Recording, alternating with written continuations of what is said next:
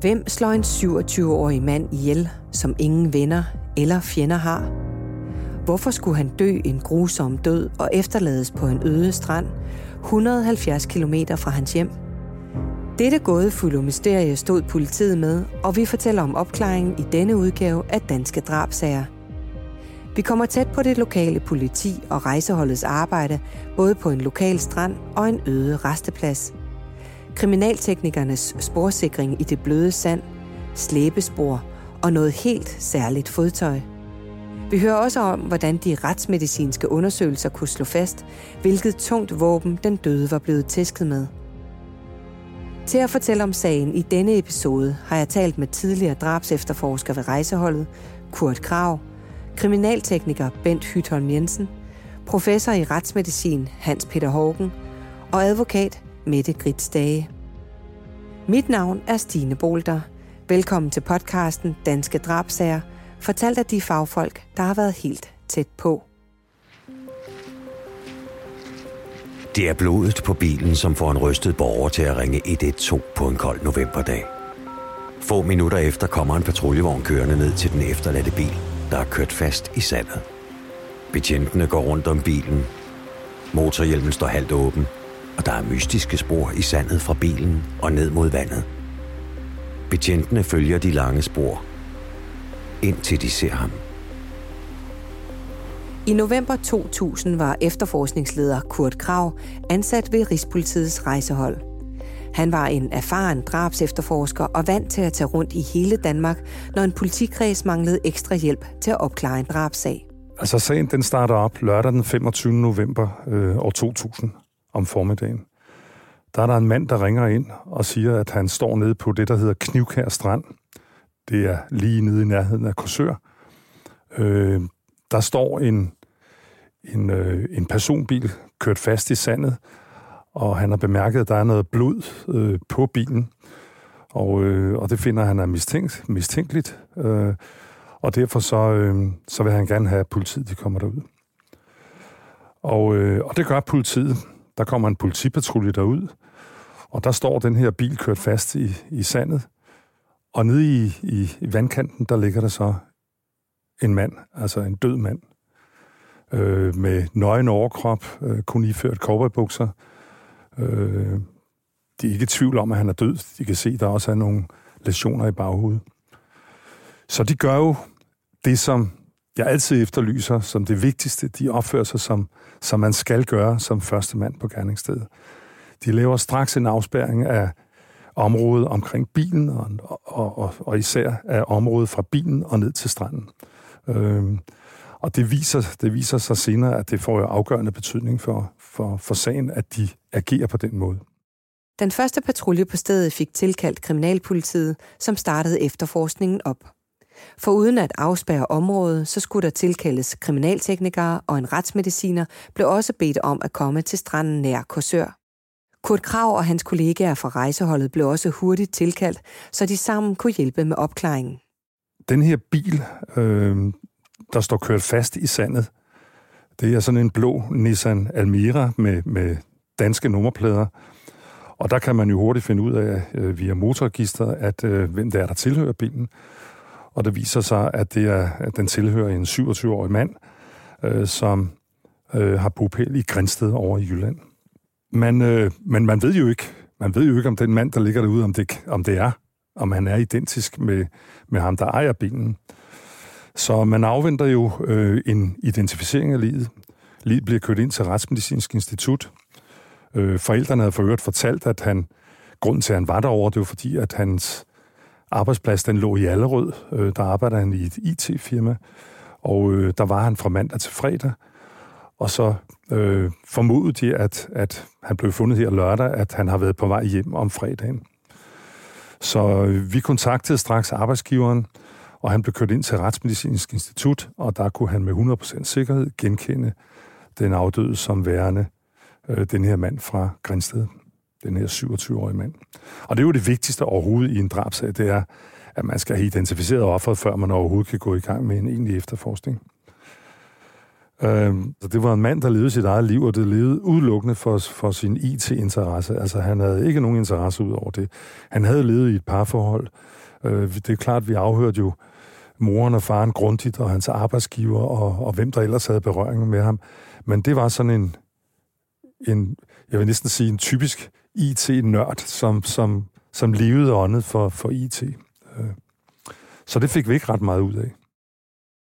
Så starter alle de andre sædvanlige ting, som kriminalpolitiet i gang sætter, og det, det er jo det der med forhøring, altså det der med at få afhørt mennesker, der er omkring øh, øh, findested eller gerningssted. Vi vidste jo endnu ikke, om det var findested eller gerningssted, altså om der skulle findes et, et gerningssted et andet sted. Øh, men øh, det gjorde man så, og der kom ingenting ud af det. Der lå nogle sommerhus, sådan meget, jeg tror, det lå flere hundrede meter derfra, og der var ingen, der havde set eller, eller hørt noget som helst. Øhm, arbejdsgiveren her, som jo selvfølgelig blev øh, afhørt øh, helt ud krogene omkring hans arbejdsmæssige forhold hos ham, og i særdeleshed omkring, hvornår han sidst har set ham i live. Øh, han kunne så fortælle, at øh, han havde konstateret, at, at, øh, at mandens PC'er, den var lukket ned øh, på et eller andet tidspunkt. Jeg kan ikke huske det i dag, omkring klokken 8 om aftenen var den lukket ned øh, op i Allerød, øh, så han formoder, at det er der, hvor han har forladt arbejdspladsen, og så kørt mod Grænsted. Det er jo vigtigt, at vi har det tidspunkt. Så allerede der dannede vi os sådan et billede af, at gerningsstedet, eller der, hvor det nok var sket, altså for et eller andet, altså han havde jo ikke noget at gøre på Knivkær Strand, men formoder, at der var sket et eller andet fra øh, Allerød og så ned til Knivkær Strand, altså i nærheden af Korsør. Rejseholdet arbejdede intenst sammen med efterforskerne fra det lokale politi. Kurt Krav var efterforskningsleder på sagen, og sammen med 40 kollegaer var han i fuld gang med at løse det mystiske drab. For offret havde ingen tilknytning til området, og ingen havde set ham eller gerningsmændene. En overskrift i BT lød, fuld drab, hvorfor var den myrdede halvnøgen? I artiklen stod der, at den dræbte var lidt af en enspænder, og han var komplet ukendt af politiet. Teknikerne kunne hurtigt fortælle os også, at øh, at da de gik i gang med at undersøge bilen, både nede på stranden, men også senere hen, at der fandt de blod øh, flere steder rundt omkring på bilen, men i særdeleshed inde i bagagerummet, der kunne de se, at der var blodafsmitninger alle mulige steder. Øh, og deres øh, vurdering, det var, at der havde ligget en mand derinde, der havde blødt kraftigt, og som altså havde været i live, og så øh, havde forsøgt at komme ud derfra. Så øh, vi øh, vurderede det sådan, at at den her 27-årige mand, han var blevet slået ned et eller andet sted, og var blevet spidt op i bagagerummet, og så var han så kørt ned til Knivkær Strand. De fandt også en, øh, et sted, hvor der var en blodplamage, og der fandt de gravet ned i sandet en, en snor, sådan en, en, en tynd snor, og øh, man vurderede også der, at det kunne meget vel være den, der var blevet brugt til at, at strangulere øh, manden med. Men så kommer det vigtigste, og det er jo kriminalteknikerne, der så kunne gå i gang med undersøgelse af, af, af sandet, altså fra bilen og ud til, til, hvor han blev fundet. Og her finder de så nogle fantastiske solaftryk, meget detaljerede solaftryk, øh, som, som blev fotograferet, og der blev også lavet gipsafstøbninger. Øh, og det viser sig, at det, det kom til at betyde rigtig meget i, i den senere efterforskning. De konstaterede også, at bilbatteriet meget usædvanligt var forsøgt afmonteret. Øh, inde i bilen, altså det var jo den her 27-årige mands øh, bil, der var et forfærdeligt rod derinde, men man fandt også en, øh, en sådan tom emballage fra McDonald's. Så vi gik i gang med at afhøre på de her McDonald's. Jeg tror, der var et par stykker fra Allerød og så til til Knivkær Strand og finde ud af, at havde han været derinde og købe noget.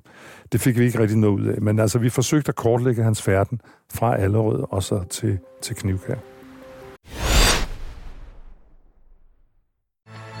Hej Danmark, Patrick på Gækkers Øllered her. Hvornår har du planlagt din næste tur til Skandinaviens største varehus? På Gekås i Ullared kan du shoppe og overnatte til fantastisk lave priser. Hvornår kommer du? Shoppa, bo och umgås på GKs Ullared. I Bauhaus har vi store besparelser til dine pinseprojekter. Lige nu sparer du 20% på alle indendørs og udendørs krukker samt altankasser. Og spar 30% på alle dansk producerede akustikpaneler fra Fog og Venø. Se endnu flere stærke tilbud i Tilbudsavisen. Bauhaus. Altid meget mere at komme efter. Også på prisen. Skal man have stor kørekort for at blive det der transportbetjent? Nej, men du skal have haft kørekort i tre år. Og hvad med skole? Er der meget af det? Selve uddannelsen, den tager to år, men skolen, det er kun tre måneder, og resten af tiden, det er praktik. Det er ikke dumt. Men det er lang tid at være på SU. Nej, du får fuld den i begge år. Seriøst? Fedt! Vil du også arbejde med indsatte og bidrage til mindre kriminalitet i samfundet? Så søg ind på uddannelsen til transportbetjent senest 21. maj. Eller læs mere på blivtransportbetjent.dk Ej, det er så spændende. Jeg tror aldrig, jeg har haft den her følelse før i kroppen. Bachelorette er tilbage. Jeg går helt i panik. Jeg kan ikke sige det navn, som skal have min sidste rose. Ja, men det er dit værd. Ikke også? Bachelorette. Lige nu på TV2 Play. Jeg kommer bare til at nyde hvert sekund af det.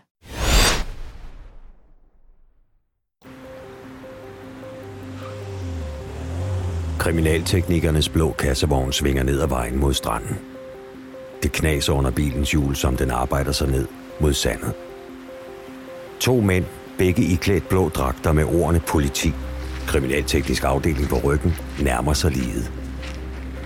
Den ene er iført mundbind og latexhandsker, og han knæler ned i sandet ved den døde. Den anden løfter kameraet, trykker på udløseren. Igen og igen tager han billeder af manden, der ligger på maven i det våde sand. Hans blå jeans, sorte sko, bare overkrop og det maltrakterede i hovedet. En af de kriminalteknikere, som blev kaldt til Knivkær Strand ved Korsør, var Bent Hytholm Jensen. Han husker tydeligt sagen øh, vi fik en, en henvendelse fra det lokale politi nede på Sydsjælland, om at man havde fundet en, en død person liggende i vandkanten nede på noget, der hedder Knivkær Strand. Og der blev så sendt et hold teknikere derned. Øh, og på det tidspunkt, der sad jeg som stedfortræder i udrykningssektionen, og min nysgerrighed, den bød mig, at jeg blev nødt til at køre ned og se, hvad der foregik dernede. Øh, og da jeg kom, kom derned, jamen, øh, så lå der jo en død mand ude i vandkanten. Øh, man kunne se, der var slæbespor ned igennem sandet, og ved en nedkørsel til stranden, der holdt, øh, øh, det viser sig at være den forurettede bil, som var kørt fast i sandet. Og hvad gjorde du så? Jamen, øh, jeg gjorde jo sådan set ikke andet end, at, at øh, jeg snakkede med mine kollegaer, øh, og de påviste selvfølgelig øh, både bilen og de her slæbespor, øh, og så arbejdede man selvfølgelig med den døde mand, der lå ude i, i vandkanten. Øh, Øh, der var en retsmediciner dernede øh, på stedet, og så øh, blev øh, den, den dræbte jo borttransporteret og kørt ind på Retsmedicininstitut, hvor der blev foretaget en obduktion.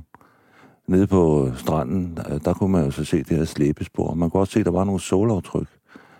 Øh, og det så ud som om, der var en forholdsvis stor øh, sko, øh, og så var der også sat aftryk af en, af en mindre sko.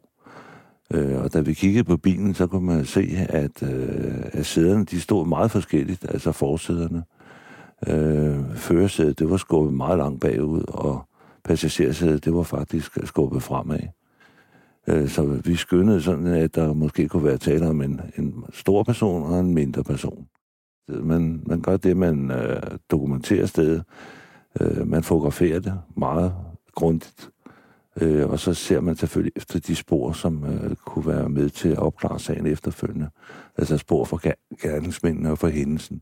De solaftryk, Bent Hytholm Jensen og de øvrige kriminalteknikere fandt, var afsat på hver sin side af slæbesporet i sandet, hvor den dræbte var blevet slæbt fra bilen og ned til vandkanten kunne se, at de her solaftryk, øh, som vi fandt øh, i udenbar tilknytning til slæbesporene, der, at de var sat øh, både sidelæns og baglæns, fordi at hvis man trækker en person igennem det her bløde sand her, så, så skal der jo trækkes til, fordi det er jo en tung genstand, kan man sige, at trække igennem sandet. Så, og det gav jo en retning op for den her bil, der var kørt fast i sandet, og så ned til der, hvor den afdøde lå. Når I finder sådan nogle solaftryk, så ved jeg, at der er en bestemt teknik, I gør for at sikre dem. Hvordan gør I det? Jamen, øh, i første omgang, der gør man jo det, at man lokaliserer de her solaftryk, øh, og så udpeger man selvfølgelig de bedste hvis der er nogen, der er meget bedre end andre. Og så øh, placerer man en øh, målestok med centimetermål øh, ved siden af det her solaftryk, og så affotograferer man det, sådan at man efterfølgende kan lave en-til-en billeder, hvis man får en, en mistænkt sko, så kan man jo lave prøveaftryk af den, og i en til en, og så kan man jo se, om der er nogle detaljer. Men øh, når det er sådan noget sand, som vi snakker om her, så gør man det, at man, øh, man også sikrer selve solaftrykket. Det kan man gøre på forskellige måder. Øh, når det er sådan noget blødt sand, så kan man sprøjte hårlak ned i, for den ligesom at fastholde et mønster, og så efterfølgende lave en gipsopstøbning. Øh, og så kan man af den vej øh, tage et, et en-til-en solaftryk med en bare i, af, i afstøbt form. Solaftrykket, det bruger vi jo efterfølgende til at sammenligne med mistænkte sko. Øh, hvis hvis øh, det lokale politi de finder, eller efterforskerne finder nogle mistænkte, og de har en, nogle sko, jamen det er jo klart, øh, så sender de dem ind til, til afdelingen, og der har man jo så de her aftryk.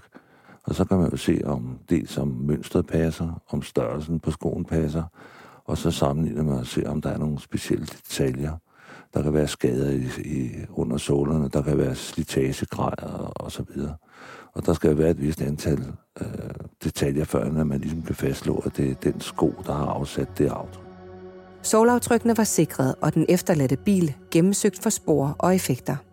Imens blev den døde 27-årige mand kørt til obduktion på Retsmedicinsk Institut. Opgaven for professor i retsmedicin Hans Peter Hågen og hans kollegaer var blandt andet at finde ud af, hvad ofre var blevet slået i hovedet med. Vi kunne se, at han havde talrige øh, lesioner i hovedet, da han var blevet slået med et stumt, tungt instrument. Øh, tungt også, fordi der var flere kraniebrud. Derudover havde han en fure omkring halsen, og det var en strangulationsfure, ikke en hængningsfure. En hængningsfure, den er skrå, skrående op bag ørerne.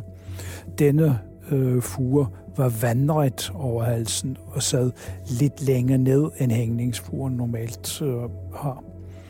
Øh, derudover så vi punktformede blødninger i øjnene, spændehænder og i ansigtshuden.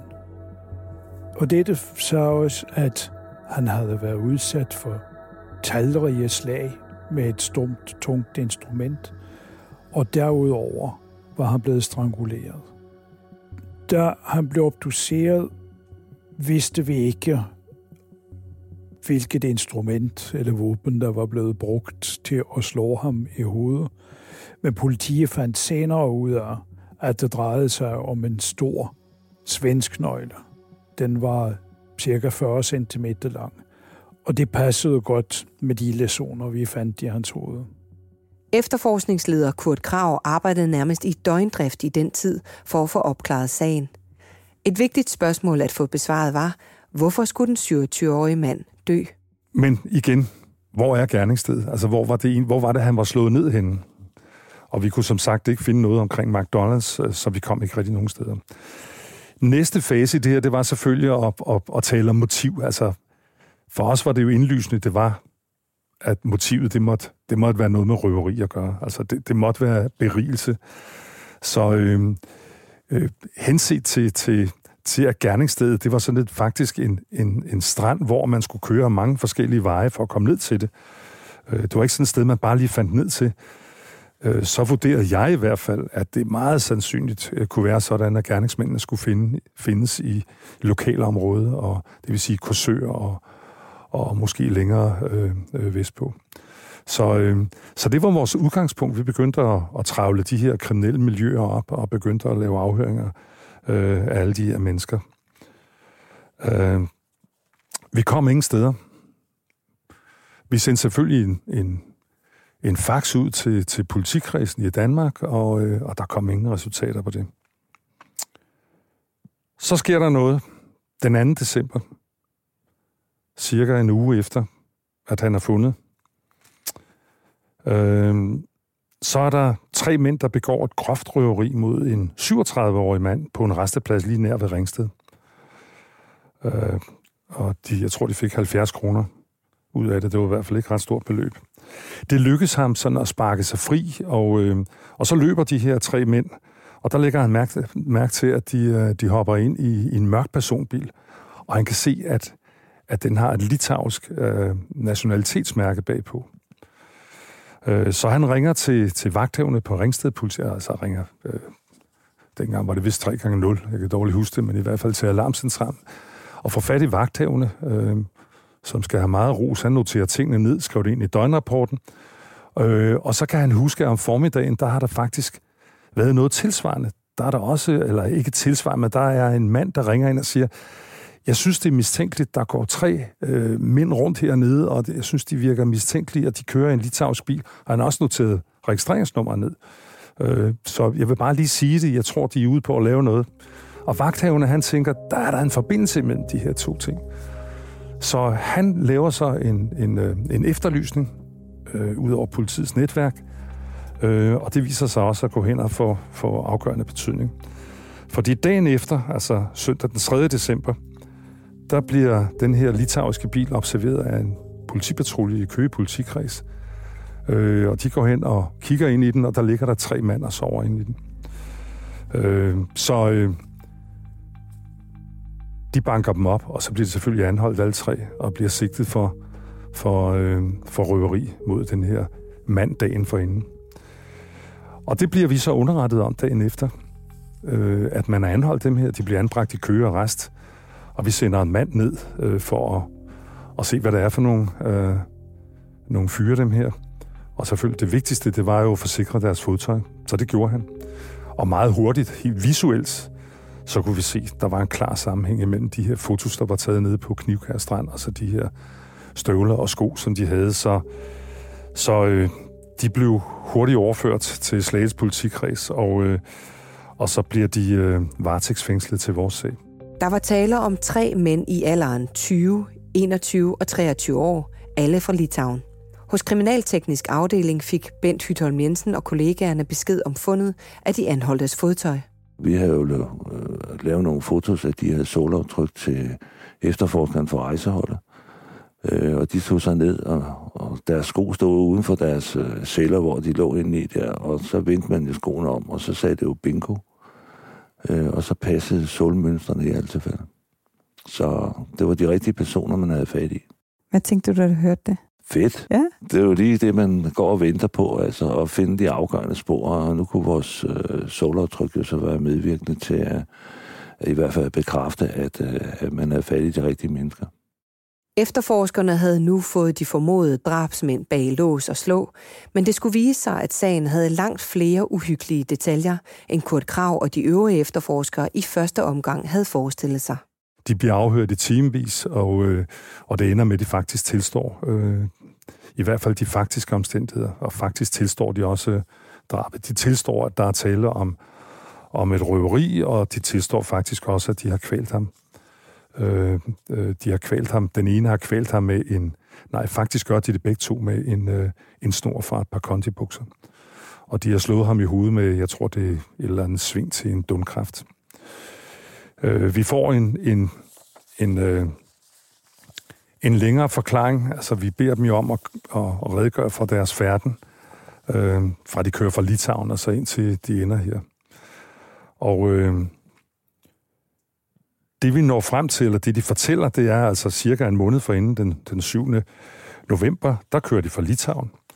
Så kører de gennem Polen og Tyskland. Og, øh, og så fortæller de også, at de passerer, eller de kører ind øh, i Danmark via Crusoe paskontrol. Og der kan vi så, det var jo dengang, der var, der var grænsekontrol, og det kunne vi få tjekket, og ganske rigtigt, der var de også blevet tjekket af dansk politi og vi havde tidspunkter og det hele på plads også, så, så det var helt på plads også. Og vi havde så i mellemtiden også undersøgt, var der sket noget tilsvarende på andre restepladser, andre steder i Danmark. Og der fandt vi ud af, at der havde været et røveri på en resteplads over ved, øh, Rønning over på Fyn. Altså det var sket den 11. november, altså fire dage efter, de var taget fra Litauen. Og øh, der havde de også fået et eller andet beløb, mindre beløb, ikke ret meget. Øh, de, og, og grund til, at de gjorde det, det var, fordi de havde opdaget, at det kostede penge at tage øh, og komme over Storebæltsbroen. For man kunne ikke bare sådan lige køre over. De havde ingen penge. Så havde vi jo også undersøgt alt, hvad de havde i deres, den her øh, mørke bil, der viste sig at være en BMW. Og, øh, og der var også et fotografiapparat, det fik, der fik vi fremkaldt filmen. Og der kunne vi se på et af billederne, at de havde været så langt som i Stockholm. Altså, så øh, det var jo interessant, men vi gjorde ikke rigtig noget ved det på daværende tidspunkt. Så øh, vi fik en detaljeret forklaring om, hvordan de, for at, at, overhovedet at få nogle penge at, at leve for, så hvordan de begik øh, røverier på, på restepladser. Så sker der noget, som, som jo også er, er tankevækkende set i relation til de åbne grænser og, og, og den måde, politiet er organiseret på i dag. At øh, den 4. december, altså et par dage efter, at de er blevet anholdt, der ringer der en dansk statsborger, der bor over i Sverige. Jeg tror, det er Malmø, hun bor i. Der ringer hun til os via Københavns politi. Hun vil bare gøre opmærksom på, at over i Sverige, der har man haft en næsten tilsvarende sag. Der er en, en 65-årig mand, der er blevet fundet i bagagerummet i sin bil, og øh, selvfølgelig død. Og den var svensk politi i fuld gang med at, at efterforske. Så vi kontaktede svensk politi og fik detaljerne omkring det. Og det viser sig, at de kommer ind i sagen svensk politi på den måde, at de øh, bliver kontaktet af en ung pige, der er ude og ride ude i en skov over i Skåne. Og øh, hun øh, observerer, der holder en bil nede ad en skovsti. Og øh, hun tænker ikke nærmere over det, men hun rider videre. Men da hun kommer ridende igen nogle dage efter, faktisk næsten en uge efter, Øh, så undrer hun sig, og så ringer hun til politiet og siger, jeg synes, det er mærkeligt, den her bil, den holder derinde. Så politiet kommer ud, og bilen er låst men låsesmid, for de åbnede den. Og i bagagerummet, der ligger der så den her 65-årige mand. Han er bagbundet, og han bløder også. Øh, det viser sig ved obduktionen, at dødsårsagen det skyldes en kombination af, at han har fået en del slag mod hovedet. Øh, og så var han også tæppet til, øh, så vidt jeg husker, hen over munden. Så det var en kombination, altså dødsårsagen var en kombination af de her lesioner, og så det, han var tæppet hen over munden, og væskemangel og kulde. Det var en, altså det er jo en forfærdelig død, han har lidt. Øhm, så vi var jo ikke, vi synes jo, det var interessant, så, så vi gik jo i gang øh, med at afhøre dem, og meget hurtigt så erkendte de også, det var også dem, der stod bag ved det. Og vi fik faktisk en, en forfærdelig forklaring. Altså, de, de var meget, vil sige, det var nogle kyniske gerningsmænd, i hvert fald de to af dem. Altså, det man skal være klar over her, er det her røveri øh, mod den 65-årige mand, øh, det foregår jo altså øh, en uges tid før, at de dræber vores mand i Ringsted. Så deres færden, den, den er jo faktisk, at de, at de kører over Fyn, de kører over Sjælland, de kører til Sverige, og det er derovre, de så øh, begår det her øh, grove røveri, der så ender med at blive til et rovmor. Og deres historie, deres egen forklaring omkring, øh, hvad der skete, det var jo altså, en meget grov og kynisk måde, de har begået det her drab på. Altså, de, de slår ham ned på en resteplads, smider ham om i bagagerummet, kører en tur, og så kan de høre, at han rumsterer om i bagagerummet, og, og så går de ud og øh, slår lidt på ham, og så binder de ham endnu mere og smider ham om i bagagerummet, kører ud i en skov. De afmonterer for øvrigt øh, bilradioen og nogle højtaler og et bilbatteri, og så tror de får os 100 svenske kroner ud af det her. Og så kører de ud i en skov, og, øh, og der låser de bilen, øh, og så kører de øh, fra skoven af, og så tager de bilnøglerne og smider ind i skoven. De er aldrig fundet. Velvidende, at han jo vil afgå ved døden, når han ligger der, når ikke der er nogen, der, hvad mindre der er nogen, der finder den. Altså, det er jo klart, at den her unge pige der, hun har sikkert bebrejdet sig, at hun ikke øh, ringede til politiet allerede, da hun så den første gang. Men øh, jeg synes nu, det er forståeligt. Så vi indgik i et sæt samarbejde med svensk politi omkring den her sag, og der opstår for øvrigt en spændende dialog omkring det her. Øh, det er så ikke politiet, det er så anklagemyndigheden øh, senere hen, fordi de tilstod de røveriforhold, de havde begået i Danmark, og de tilstod drabet på den her øh, 27-årige mand over for Grænsted. Men de nægtede drabet på den 65-årige over i Sverige. Og fordi at de nægtede det, så, så at den skulle køre i Danmark, øh, sagen. Jamen, så besluttede anklagemyndigheden, at man ville kun rejse tiltale for, og selvfølgelig for grov vold, men også for at efterlade en syg og hjælpeløs. Og det var svenskerne bestemt ikke tilfredse med. Det, det var de stærkt utilfredse med, men det endte alligevel sådan, den kom til at køre på den måde. Men der var en tæt dialog omkring de her tiltalepunkter. På Retsmedicinsk Institut i København fik retsmediciner Hans Peter Hågen også orienteringen om den døde svenske mand fra bagagerummet. rejsmedicinerne i Sverige Øh, havde fundet ud af, at denne mand, som havde været lukket inde i sit bagagerum igennem nogle dage, var død primært af iltmangel. Og så kan man sige, var det iltmangel, fordi bagagerummet var helt lufttæt. Nok ikke kun det. Et bagagerum vil på en almindelig bil ikke være fuldstændig lufttæt. Men der er jo ikke særlig god plads i et bagagerum. Så øh, manden er blevet sådan bøjet sammen og haft svært ved at have plads nok derinde. Og i og med, at man ligger sådan sammenkrøllet og ikke kan strække sig ud, så vil vejrtrækningen være besværligt gjort. Og det kombineret med, at det ikke er så stor luftudskiftning, gør, at han efterhånden vil kunne dø af iltmangel. Når folk er døde af iltmangel, kan man ikke se nogen forandringer ved obduktionen. Og det vil sige, at man står faktisk med en udelukkelsesdiagnose. Da derfor er obduktionen også så utrolig vigtig for at kunne se, om der er nogle lesioner eller sygdomme, som kan have medført døden. Og her var det ingenting.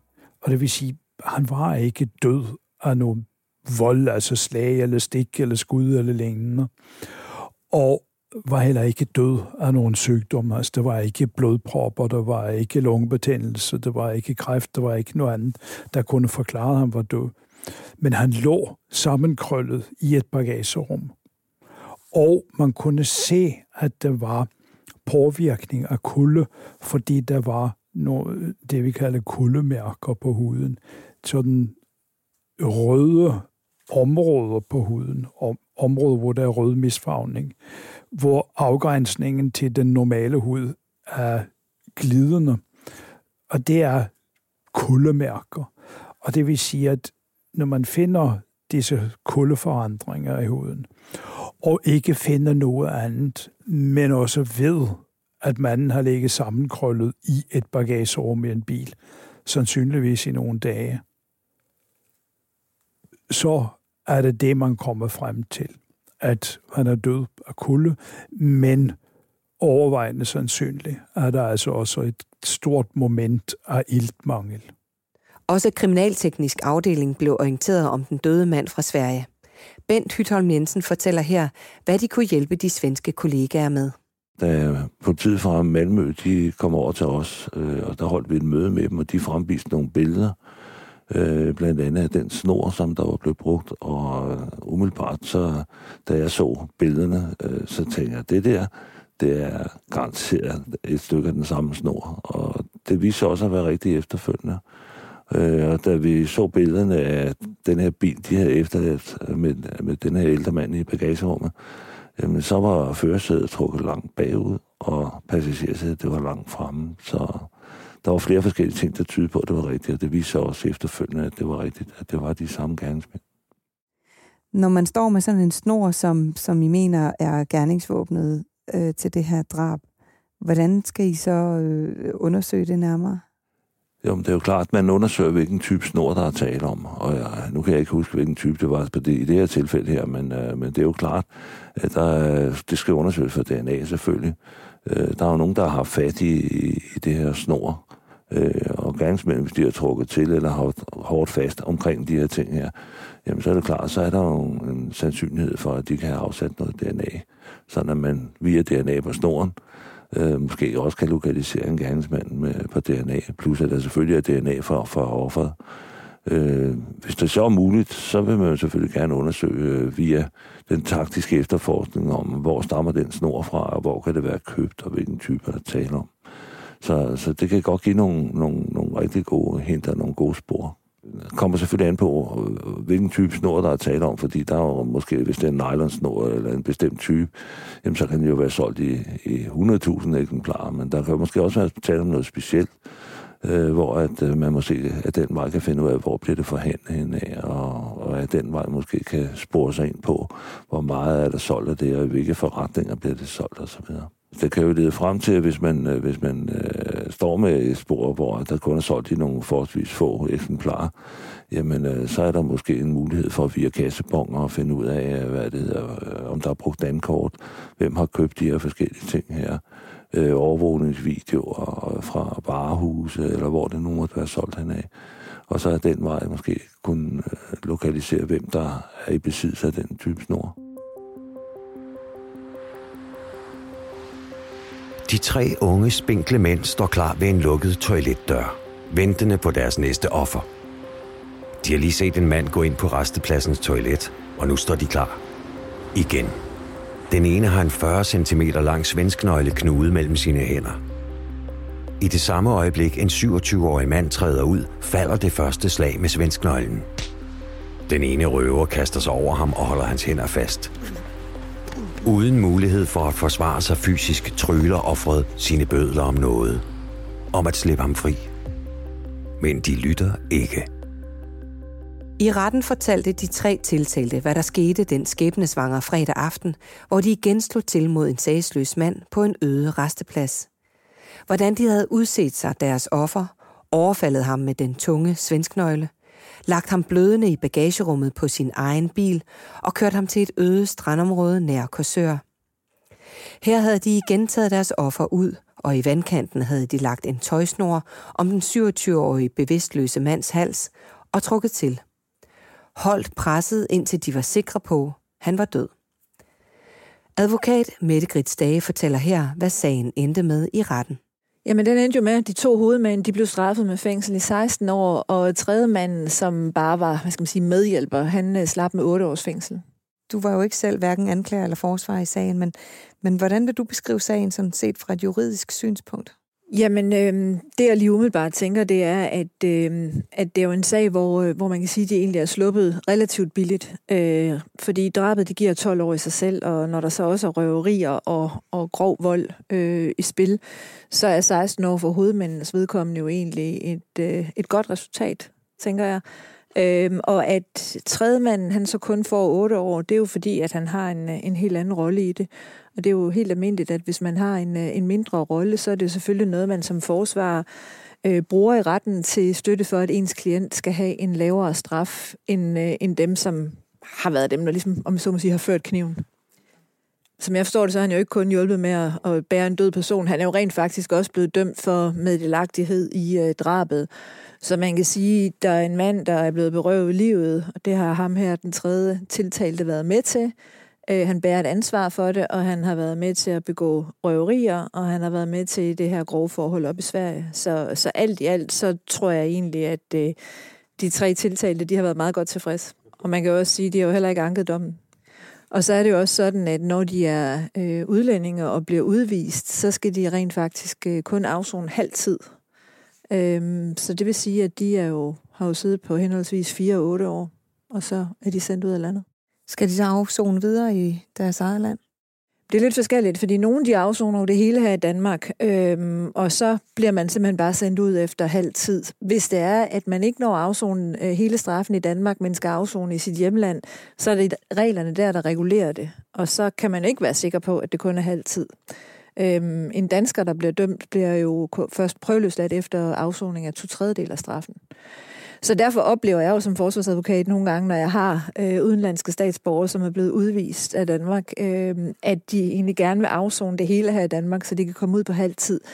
Men de senere år, der er der kommet flere og flere øh, internationale aftaler om, at man skal afzone i sit hjemland.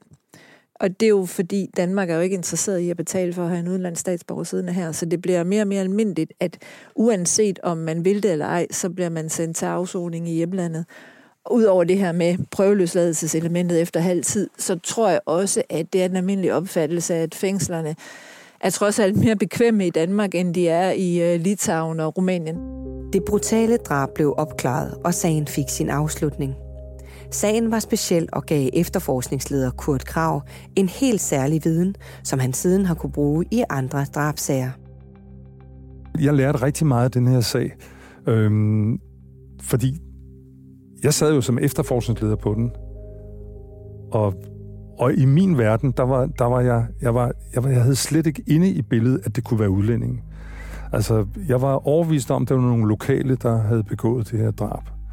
Øhm, så, så derfor blev jeg meget forundret, da, da de her tre pludselig kommer ind i billedet. Øhm, og, det, og det viste også, synes jeg med al tydelighed, at hvis de her tre gutter, de ikke havde begået det røveri til sidst, altså mod den anden mand i Ringsted, altså det, der gør, at vagthaven han udsender en efterlysning på dem, så kunne de sagtens være kørt videre gennem Danmark, ned i Tyskland og til Litauen, og så har vi aldrig haft mistanke om, at det kunne være tre fra Litauen, der har gjort det. Og vi har sandsynligvis heller aldrig nogensinde fået det forbundet med, med drabet på den 65-årige over i Sverige. Så øh, det var virkelig noget, der, der, der gav stof til eftertanke. Men det her, det var ikke organiseret. Det var tre øh, øh, lokale banditter nede fra Litauen, som ikke har organiseret noget som helst. Men det var grænseoverskridende kriminalitet, det er rigtigt.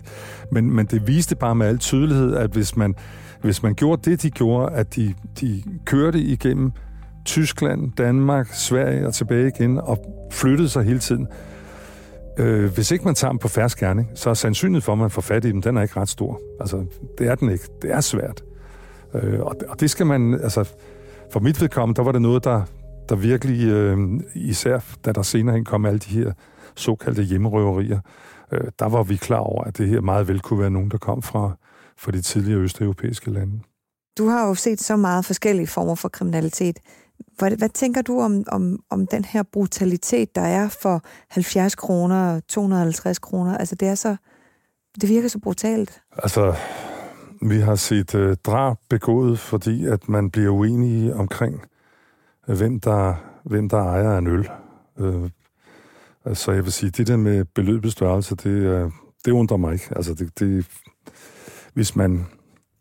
Altså, der kan være mange, der kan være mange årsager til, at man, man begår drab. Øh, Øh, det behøver, altså det, men meget ofte, så er det jo, enten så er det fordi, du er beruset, du er under påvirkning af stoffer, eller også så er det defektdrab, men her, der er det jo, der er de jo overhovedet ikke beruset, altså det er jo koldt og kynisk, så især den ene af de her to øh, øh, drivkræfter, altså han var fuldstændig kold og kynisk, altså det var ham, der ligesom var, var i gangsætteren, det var ham, der, der sagde, hvad de andre skulle gøre.